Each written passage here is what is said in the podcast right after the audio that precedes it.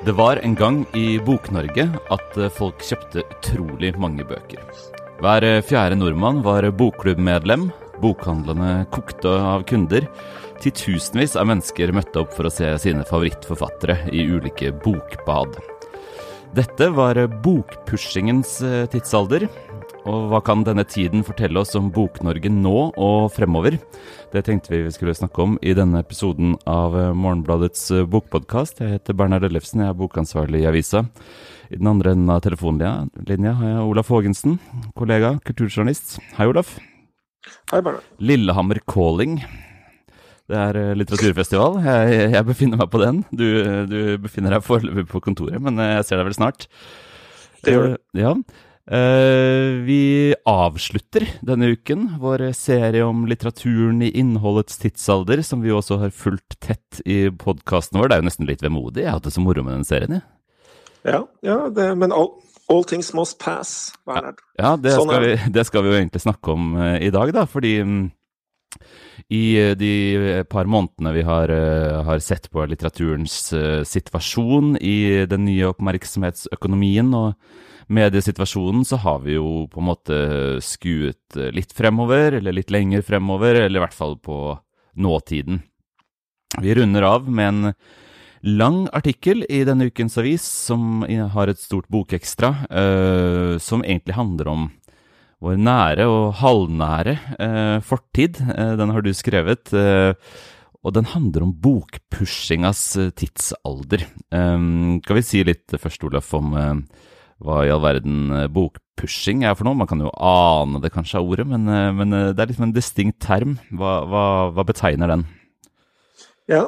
eh, først skal vi kan begynne på ordet, da, for det har vi jo hentet fra en helt spesifikk kilde. Eh, Kristen Einarsson, som i mange år var administrerende direktør for de norske bokklubbene, han ga eh, ut, etter at han gikk av, en eh, memoarbok som het 'En bokpushers bekjennelser'. Så der har vi tatt ordet fra, da. Og så, eh, og så har vi måttet prøvd å eh, beskrive og analysere bokpushingen som fenomen, da. Mm. Hvis man skulle begynne å sirkle inn det, så er det da Det er nært knytta til eh, bokklubbene. eh, eh, som i, i mange år var en utrolig viktig leverandør av skjønnlitteratur, særlig da, ny norsk skjønnlitteratur til, eh, til eh, folk her i landet. De solgte utrolig med bøker. Og Ja, når, ja, når vi sier utrolig med bøker, la oss eh, stoppe litt der. Det er jo på en måte Mhm. nesten halve poenget eh, her, å minne oss selv på hvordan den nære fortiden så ut. Vi, man, eh, man, har, man glemmer så fort, det gjør vi også, men, men hva, hva menes med utrolig mye bøker? Hva, hva var viktig med bokklubbene for f.eks. 20-25 år siden? Altså, det- rundt årtusenskiftet, da, da bokklubbene Eller bokklubbsystemet var på sitt aller største, og de norske bokklubbene, som var det største eh, bokklubbene, var på sitt aller største. Så eh, kildene varierer litt her, da, men eh, 70% av norsk skjønnlitteratur ble solgt gjennom bokklubbene, sier, eh, er et anslag, da, f.eks. Mm. Og det var Da solgte de også mange flere bøker enn i dag. Så, så når du sier 70 så, så er det jo også liksom et høyere De snakker om høyere tall enn vi gjør nå. Ja, Mm. gjør det. Men i hvert fall, altså, bare dette med bokpushinga, da. Altså, Mm. I den memoarboka til Einarsson, og når du også leser eh, andre som jobba i bokklubben, så var det et veldig sånn eh, sterk forestilling om at man ikke bare solgte bøker, men man drev om folkeopplysning, om at man skulle få bøker ut til folket. Eh, bøker som eh, folk ville lese, men også bøker som de kanskje ikke visste at de ville lese. Mm.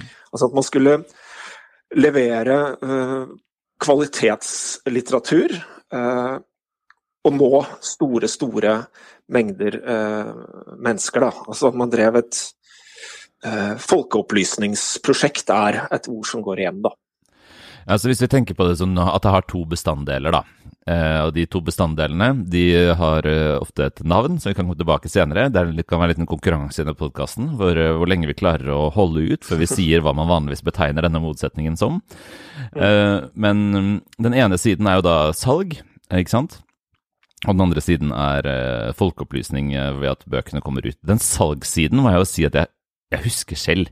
Jeg kommer fra bokhandlerfamilie og kan skrive under på at det var ikke bare i bokklubbene. Um, liksom bokpushinga pika um, på slutten av 90-tallet og rundt 2000, kanskje. Jeg, kan, jeg syns på en måte jeg kan huske da uh, På det tidspunktet da min fars bokhandel uh, begynte å selge bestselgerne i et utrolig mye høyere antall enn før.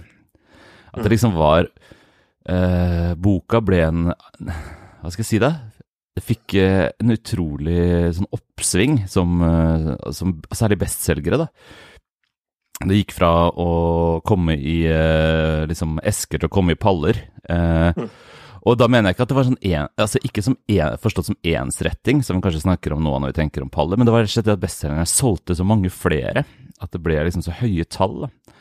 Så jeg, jeg føler at jeg har uh, bokpushinga i, i, kroppen, rett og slett, særlig når vi snakker om denne tidsperioden. Men, men skal vi si litt mer om den andre siden av, av saken, altså folkeopplysninga. Det er jo en sånn forestilling, eller det har vært en historie om bokklubben som også er todelt. På den ene siden så sa man at den sto for en eller annen for ensretting, ikke sant? At den solgte de samme bøkene til folk. Uh, og mer og mer nå har man jo kommet til å savne at liksom så gode bøker uh, gikk ut i så store volumer. Uh, men si litt mer om denne ideen om å spre kvalitet, da, og kanskje litt om hvordan man har tenkt om det før og nå. Ta bokklubben Nye bøker, da, som mm. var den en av uh, uh, en av uh, klubbene i uh, de norske bokklubbene, som var det, og den største klubben i norske bokklubbene. De eh, solgte, eller var det bokklubb for samtidslitteratur. Det var norsk samtids, nye norske romaner og oversatte romaner. Den ble starta i 1976. Um, og den, det første medlemmet i den bokklubben, altså den som ble utpekt eh, som første medlem, det var Einar Gerhardsen. Selve landsfaderen, da. Mm. Uh, og da hadde de norske bokklubbene allerede eksistert siden begynnelsen av uh, 60-tallet. Og med et sånn mål om at folk skulle kunne, ved å abonnere, være medlem av den klubben, bygge seg et kvalitetsbibliotek for en rimelig penge. For Det er også et viktig mm. moment her at eh, bokklubbene hadde mulighet til å selge nye bøker med rabatt, som de eneste. Vi kan komme litt tilbake til det, her, for det er jo et litteraturpolitisk spor. Det kan vi jo rett og slett si litt mer om. Men, eh, mm. men eh, kvalitetspushinga sånn utover 60- og 70-tallet, ja. Mm. Bokklubbene var da liksom et, et uh, instrument for den som ville uh, den vanlige leser som ville danse. Da satt det noen og plukket bøker som var av Eh, kvalitet og viktighet. Og så kunne man få de hjem i posten da, hver måned i begynnelsen. Um, og det ble en uh, voldsom uh, suksess. Og de norske bokklubbene hadde etter hvert en, uh, en hel haug med klubber under seg. Da. Men denne bokklubben Nye bøker, som beskjeftiget seg med samtidslitteratur, ble den største da. Og da fikk du Ingvar eh, Ambjørnsen og Herbjørg Wassmo og Dag Solstad, Kjartan Fløgstad. Eh, men også Anne Holt og Unni Lindell, Erlend Lo etter hvert. da. Altså, det var en både en eh, Det man vil kunne kalle kvalitetslitteratur, litterært ambisiøs litteratur, og en hva skal vi si, mer henvendt litteratur, da, en mer, mm. kanskje mer, mer, mer bredere appell. da. Ja, og det er jo liksom sånn at sant, Dette salget går jo strykende, må vi jo si. Um, og volumene blir større, og bokklubbene er kjempestore, og det blir gigabutikk av det.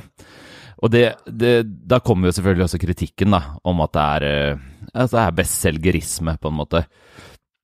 Da er jo hele tiden forsvaret at uh, Altså, I artikkelen så kaller du det for hva er det, NSB-forsvaret. Um, mm. Altså at Ja, si litt om det. Ja, det var et sånt uttrykk som uh, dukker opp i uh, litteraturen. At bokklubbene og særlig da bokklubben Nye bøker, skulle være et lokomotiv for den norske litteraturen. At den på en måte mm. skulle drive den framover. Og en ting man så, var at måte, de bøkene som solgte bra gjennom bokklubben, tenderte til også å selge bra i bokhandlene. da. Mm. Um, sånn at den skulle uh, ja, drive litteraturen framover, drive uh, salgstallene, og kanskje også drive uh, en sånn økt oppmerksomhet for forfatterne i, i media. Altså, når bokklubbene var på sitt største, så var forfatterne stjerner på en annen måte enn de var i dag. Mm. Og denne Kjartan Fløgstad som jeg nevnte, da, det er et sitat også, som også går igjen, særlig fra de som uh, jobba i bokklubbene. Han omtalte på et tidspunkt uh, uh, bokklubben Nye bøker, tror jeg det var, som et uh, mirakel i internasjonalt perspektiv. Da. Mm. For at i sammenlignet med andre land, da, så var bokbransjen langt mer kommersialiserte. Da. At dette her at bokklubbene fungerte som en sånn uh, utjevnende uh, faktor. da. Eh, som et lite sånn mer anekdotisk glimt fra denne kulturelle diskusjonen om bokklubbens uh, kvalitet eller ikke-kvalitet, så kan jo Kjartan Fløgstad kanskje være et lite eksempel. da, altså Man kan jo ane at han har nytt godt av dette mirakelet, for på et tidspunkt så, så blir, kommer det til diskusjon. Kjartan Fløgstad har kommet med en ny roman, og i mange år har alle hans nye romaner Eh, blitt månedens bok i bokklubben, nye, nye bøker. Men um, så skjedde det en gang at uh, bokklubben tok det dristige valget å ikke ha Kjartan Fløgstad som månedens bok, men en annen. Ja. Og da ble det bråk. Ja, ikke sant? Og dette sier jo også noe om hvor uh, hva slags posisjon uh, bokklubben, og særlig den norske bokklubben, hadde i den litterære offentligheten, den kulturelle offentligheten. Det ble en, Når Kjartans Fløgstads nye roman ikke ble hovedbok i bokklubben Nye bøker, så ble det en mediesak. Mm. Altså ble, og det ble bekymring for at uh, bokklubbene måtte ha mista gangsynet, mista sitt litterære gangsyn. Mm. Kron og mynt, ikke hovedbok. Altså, også, også, skandale. Ja, ikke sant. Også hvis man skal tenke på nå, da, når um, skandalen er at store forlag har gitt ut uh, liksom, uh, pornografiske romaner eller sånn, så, så, er det jo artig å se hvilken roman dette altså, som, som tok Flakstads plass i dette kulturelle kollisjonen, dette ikke sant, autoritetstapet. Uh, det var jo ikke Ja, hvilken bok var det? Ja, det var ikke en krimroman eller en lett, Eller Fifty lett, Shades of et eller annet. Mm. Nei, ikke noe lettbent underholdning. Det var debutromanen til Line Ullmann. Ja. Så, så, en del av disse debattene, når du ser de, for dette er ikke den eneste, det er flere flere av de som blir mediesaker opp igjennom, de uh, fortoner seg jo lett absurde da, når du ser sett fra i dag. Mm. Altså at dette, dette er Herregud, Linn Ullmann. Uh, ja, hvis det er kulturelle for, forfallet, så har man det ganske bra, ja. Ja, man har det. Um, men altså, vi kunne snakka lenge, og det er, det er, på en måte en spennende historie, denne, denne moderne gullalderen i bokklubbenes historie, og for så vidt i bokhandlenes og bransjens historie. Men hvis vi skal gå litt videre, da, for vi prøver jo å fortelle denne historien som en del av denne serien, litteraturen i innholdets tidsalder. Mm. Og det er jo litt for å, for å se på uh, hvordan tidligere store omkalfatringer um, har, uh, har, skjedd, og, og, og, hvordan de har fortont seg. Og da, da, har det jo også litt med den litteraturpolitikken som vi snakka om å gjøre. Mm. Altså at uh, bokklubbene nesten over natta jo forsvinner, på en måte. Ja, altså det man kunne kalle bokklubbæraen er i praksis over fra en dag til en annen i 2005. Mm. Fra overgang til april til mai. Eh, for da blir bokbransjen eh, modernisert av moderniseringsminister eh, Morten Meyer, som han rett og slett tar fra de konkurransefortrinnet. Mm. Nå har de ikke lenger enerett på selge bøker, nye bøker med rabatt. Den var ganske høy òg, på dette tidspunktet var den 25 mm. Isteden så blir det da for alle muligheten å slå 12,5 da, prosent på uh, de nye bøkene. Sånn at de mister uh, konkurransefortrinnet fra en dag til en annen, og da begynner en eh, lang nedadgående kurve, da, mm. som De eksisterer jo fortsatt ganske bratt, ja. De eksisterer fortsatt, bokklubbene, men de har ikke noe faktor sånn som de en gang var. da. Nei, det, det må man si. Og, og det virka jo utenkelig noen år før, eh, ikke sant? Uh, bare noen få år før så har du funnet en Aftenposten-artikkel som, som, En veldig morsom Aftenposten-artikkel som er fylt av liksom denne følelsen av bokklubbæraens uunngåelighet liksom, og totalitet. Dette er sånn bokbransjen ser ut, og så noen år etterpå så ser den eh, ikke sånn ut. Og det har jo litt med litteratur, eller det har mye med litteraturpolitikk å gjøre. Men så har vi jo også vært nysgjerrig, både i denne serien generelt og eh, i denne saken, på, på, det her med litteraturens innhold, eller, eller uh, substans, eller kvalitet. Og der kommer den herre eh, samfunnsoppdraget, eller folkeopplysningstanken, inn igjen eh, var egentlig Holdt den egentlig stikk, ikke sant? Eh, er Var det så lurt å selge eh, pushe i, i volumer? Eh, var bestselgertanken virkelig liksom folkeopplysningas beste venn? Der er det ikke mulig å finne noe svar, selvfølgelig, men, men i artikkelen så grubles det litt over det, da.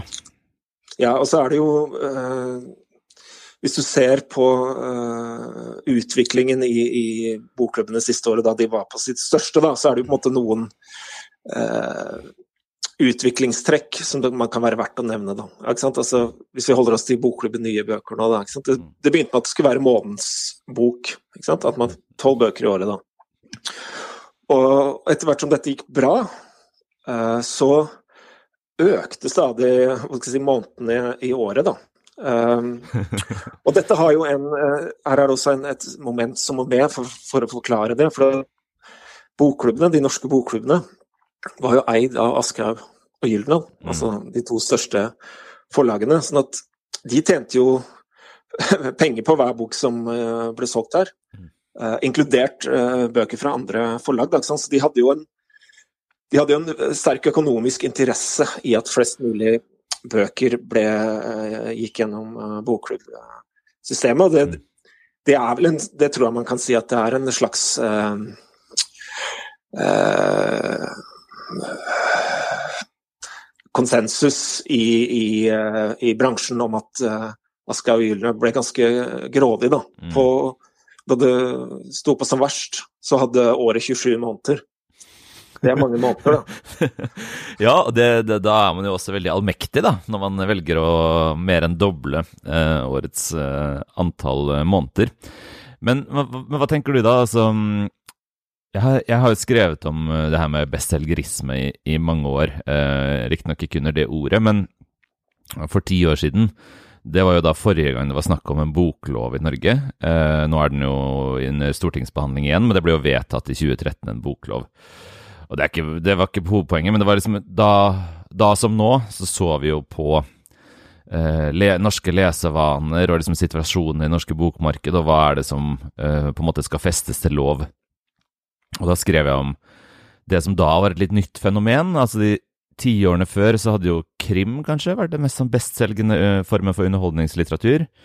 Men gjennom 00-tallet så, så, ble den nesten utkonkurrert, eller i hvert fall fikk den eh, ettertrykkelig selskap på bestselgerlistene av, av oversatt underholdningslitteratur. Eh, altså type Jojo Moyes og um, Lucinda Riley og, og um, alle disse bøkene med kvinner med ryggen til på coveret. Løkkeskriftromaner. Det fins mange nedsettende betegnelser på disse bøkene.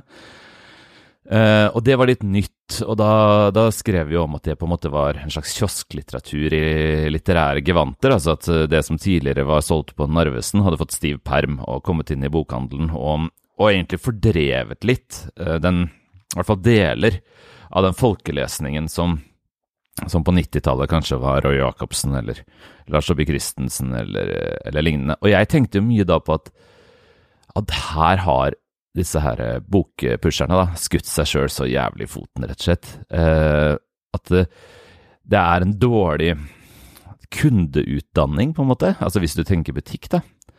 Å selge dårligere og dårligere bøker. Og det har jeg tenkt mer og mer på, egentlig. Jeg vet ikke hva, hva du syns om det, men når TV-seriene har blitt eh, litteraturens konkurrent enda større grad, så tenker jeg at det er så utrolig mye lettere å bytte ut eh, en sånn eh, løkkeskriftroman med en TV-serie enn Roy Jacobsen. Det er ikke det samme å lese 'Seierherrene' og se en TV-serie.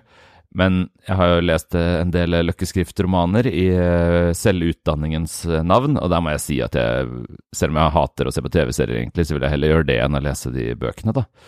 Så um, kan de liksom ha gravd sin egen grav, ikke bare sånn konkurransepolitisk eller økonomisk, men også på en måte litt kulturelt, da, med det bestselgerkjøret?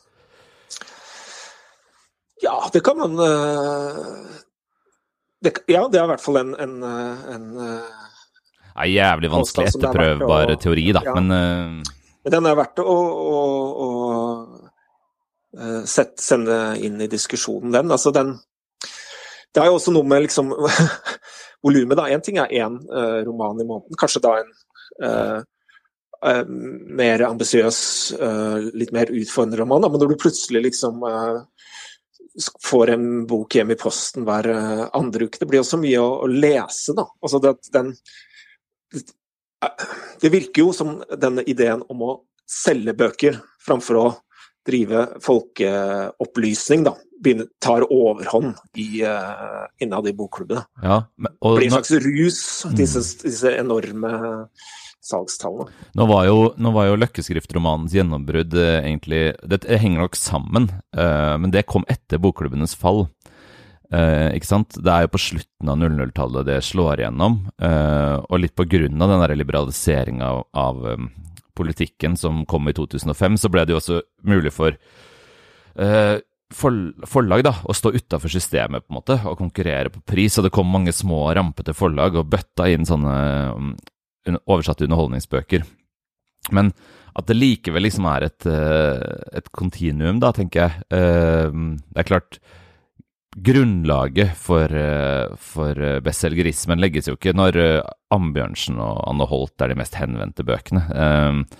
Men, men det, det, er liksom likevel en måte å selge bøker på, en måte å tenke på formidling av bøker på, som selvfølgelig hadde store kulturelle fordeler da det funka, det er ikke noe tvil om, og, og det har egenverdi. Men at det likevel fantes en sånn kime der, da, til å gjøre litteraturen til en veldig utbyttbar vare. Ja, bare det der at uh, det er et uh, utvalgt bøker, da, om det er 12 eller 18 eller hva det er, mm. som skal pushes. Det er de som skal uh, fram. Man kan jo tenke at bestselgertanken, eller bestselgerismen, ligger i kim allerede der, da. Mm. At det ikke er en bredde som presenteres, men uh, utvalgt sånn. Men er du medlem av en bokklubb nå, liksom? Eller sånn, for det finnes jo fortsatt bare ikke Ja, men ulike varianter, da? Nei, det er ikke. Men jeg husker vi var det da, da jeg vokste opp, så var foreldrene mine medlem av det må vel ha vært nye bøker. Mm. Ja, det var, det var uh, selvfølgelig ikke bokhandlerfamilien, da. Det var jo uh, døden. Uh, men ja, Bokklubbens barn var jeg selvfølgelig medlem i. Men jeg tenkte mer på nå, altså. For det her med å sende ut en og en bok, sånn der anbefalings- og klubbfølelse, det er jo ikke verdens dårligste idé som sånn kulturformidlingsprosjekt, akkurat. I, I, nåtid så har jeg i hvert fall vært medlem av en sånn dansk Hva heter det forlaget, da? Hva? Nei, nå, nå, har jeg faktisk glemt hva forlaget heter. Som sendte ut en eh, serie med oversatte bøker, som kom eh, noen ganger i året, og som vi bare fikk i postkassa. Man kunne tenke seg noe lignende for denne um, serien til det lille forlaget Skald, ikke sant? oversatte klassikere. Man kunne laget sånne Det hadde jo også bokklubben, eh, de norske bokklubbene mye av. Eh, sånne kuraterte serier med klassikere eller religiøse skrifter. Eller, ikke sant? Mm. Uh, og jeg husker da, da de hadde dette um, århundrets bibliotekveld, hvor, hvor, de valgte ut 100 bøker og nye etterord og hva var verdens beste roman og sånn. Det er vel en 20 uh, års tid siden. Det Jeg fulgte med som bare rakkeren, jeg. Og det fikk meg til å lese Det var faktisk første gang jeg leste Don Quijote, vel. Det var da den ble den beste romanen. Så, så altså den, den tanken om anbefalinger og, og liksom formidling, den, eh, den er det vanskelig å, å mislike, syns jeg. Absolutt, og den skulle man jo kanskje Eller man kunne tenke seg at den definitivt ikke var eh, død i dag, eller det syns jeg man kan se, da. Mm. Men den er kanskje død som en sånn uh, hovedstrømsbreddefenomen, mm. mens den uh, Hva skal vi si Disse offentlighetsboblene som eksisterer nå, Uh, der er det jo ofte en type sånn uh, anbefalingslogikk som, som råder, men den brede midt, midt, i liksom Dagsrevyen-offentligheten. Mm. Den har altså, mista taket, da. Det har jo vært nye norske forsøk eh, i liksom spor etter Oprah Winfrey og Reece Witherspoon, to um, veldig vellykka amerikanske sånne kjendisanbefalingsbokklubber. Så har jo Bonnier prøvd seg med Sophie Elise og Solveig Kloppen. Det har jo rett og slett ikke fungert uh, veldig godt, i hvert fall. Til og med Sophie Elise har på en måte ikke klart å få det opp å stå, til tross for den um, oppmerksomheten hun kan tiltrekke seg. Uh, men hva, hva, sier denne historien oss, denne veldig sånn spesielle og, oppturen og gullalderen oss om Altså, dette var jo litteraturen i, i liksom bokklubbenes og bokpushingas tidsalder, men hva, hva, nå? Hva tenker du når du har liksom lest deg gjennom denne perioden, snakka med folk som var aktive i den, um, sett nærmere på det? Hva tror du, hva tror du det sier oss om, uh, om boka som på en måte kulturelt artefakt de neste årene? Nei, jeg tror i hvert fall én ting som det er verdt å merke seg, uh, er at uh, boka som kulturelt artefakt er avhengig av uh, en litteraturpolitikk. Da. Altså, bokklubbalderen bokklubbalderen slutter idet bokklubbene mister konkurransefortrinnet sitt. Da. Sånn at hvordan boka lever i samfunnet, det har vi politiske midler til å til å være med og påvirke, da. Mm. Så det er vel det, det første. Uh, og så tenker jeg vel for det andre at det er, uh, det er lett å bli litt nostalgisk når mm. man uh, ser dette her. og, men jeg tror vel samtidig at man kanskje må innse at den tida er forbi, altså. At den, den En ære er over. Ja, ja, men det, og at man, eh, hvis man skal eh, utforme en, eh, si, en litteraturpolitikk for som styrker boka framover, så tror jeg det er viktig å ikke måtte la seg blende av den drømmen som ligger der bak i fortida, men at man må prøve å utforme den med strengt blikk på de helt sånn spesifikke historiske, medieteknologiske utfordringene som boka står overfor i dag, da. Det er en god konklusjon. Um, vet du hva vi har fått til? Vi har snakket i 27 minutter og 30 sekunder på min opptaksklokke om um, økonomi, bøker og kultur, og vi har mm. ikke sagt Børs og katedral. Nei, vi, har jo... vi klarte det! Børs og katedral, ja. ja. ja, ja. Det ble nesten en hel podkast, nå sa vi det, da. Men, um, men, det er jo selvfølgelig, um, som du kaller det, mestertropen som hviler over det hele. Men vi kan klappe oss selv på skulderen for å ha snakket om dette uten å sirkle for mye rundt det. Og så syns jeg vi bør nevne én uh, ting til med denne saken man kan lese i denne ukas avis, er jo at vi har hatt en guide mm. gjennom denne uh, æraen. En guide som også har uh, fungert som studieobjekt, og som vi har eh, kalt Den siste bokpusher. Han heter Knut Gørvul, er i dag eh, salgs- og markedsdirektør i Norges største forlag, Cappelen Dam, mm. og var i eh, mange år i eh, bokklubbsystemet. Så det er en, eh, en bransjehistorie, og det er også en slags karrierehistorie og en diskusjonssak om, eh, om bokklubbæraen og tida etterpå. Bokpushingens historie ved en av dem. Uh, den uh, saken kan leses i denne ukens utgave av uh, Morgenbladet, hvor man, vi altså har et stort bokekstra. Der kan man lese kommentarer og anmeldelser og, og mange sider svært godt bokstoff. det kan man også lese selvfølgelig på morgenbladet.no. Da kan man abonnere på avisen, det håper vi alltid vil gjøre. Og sjekke ut um, vår kollegapodkast, Filmpodkasten. Vi eh, snakkes igjen neste uke, Olaf. Tror jeg. Forrige uke bomma jeg jo. Da var det jo, eh, var det jo helg og planleggingsdager, og, og våre prates neste uke kollapsa. Men nå, nå tror jeg det er håp. Ja, vi, vi får satse på neste uke. Ja, takk for praten. Selv takk.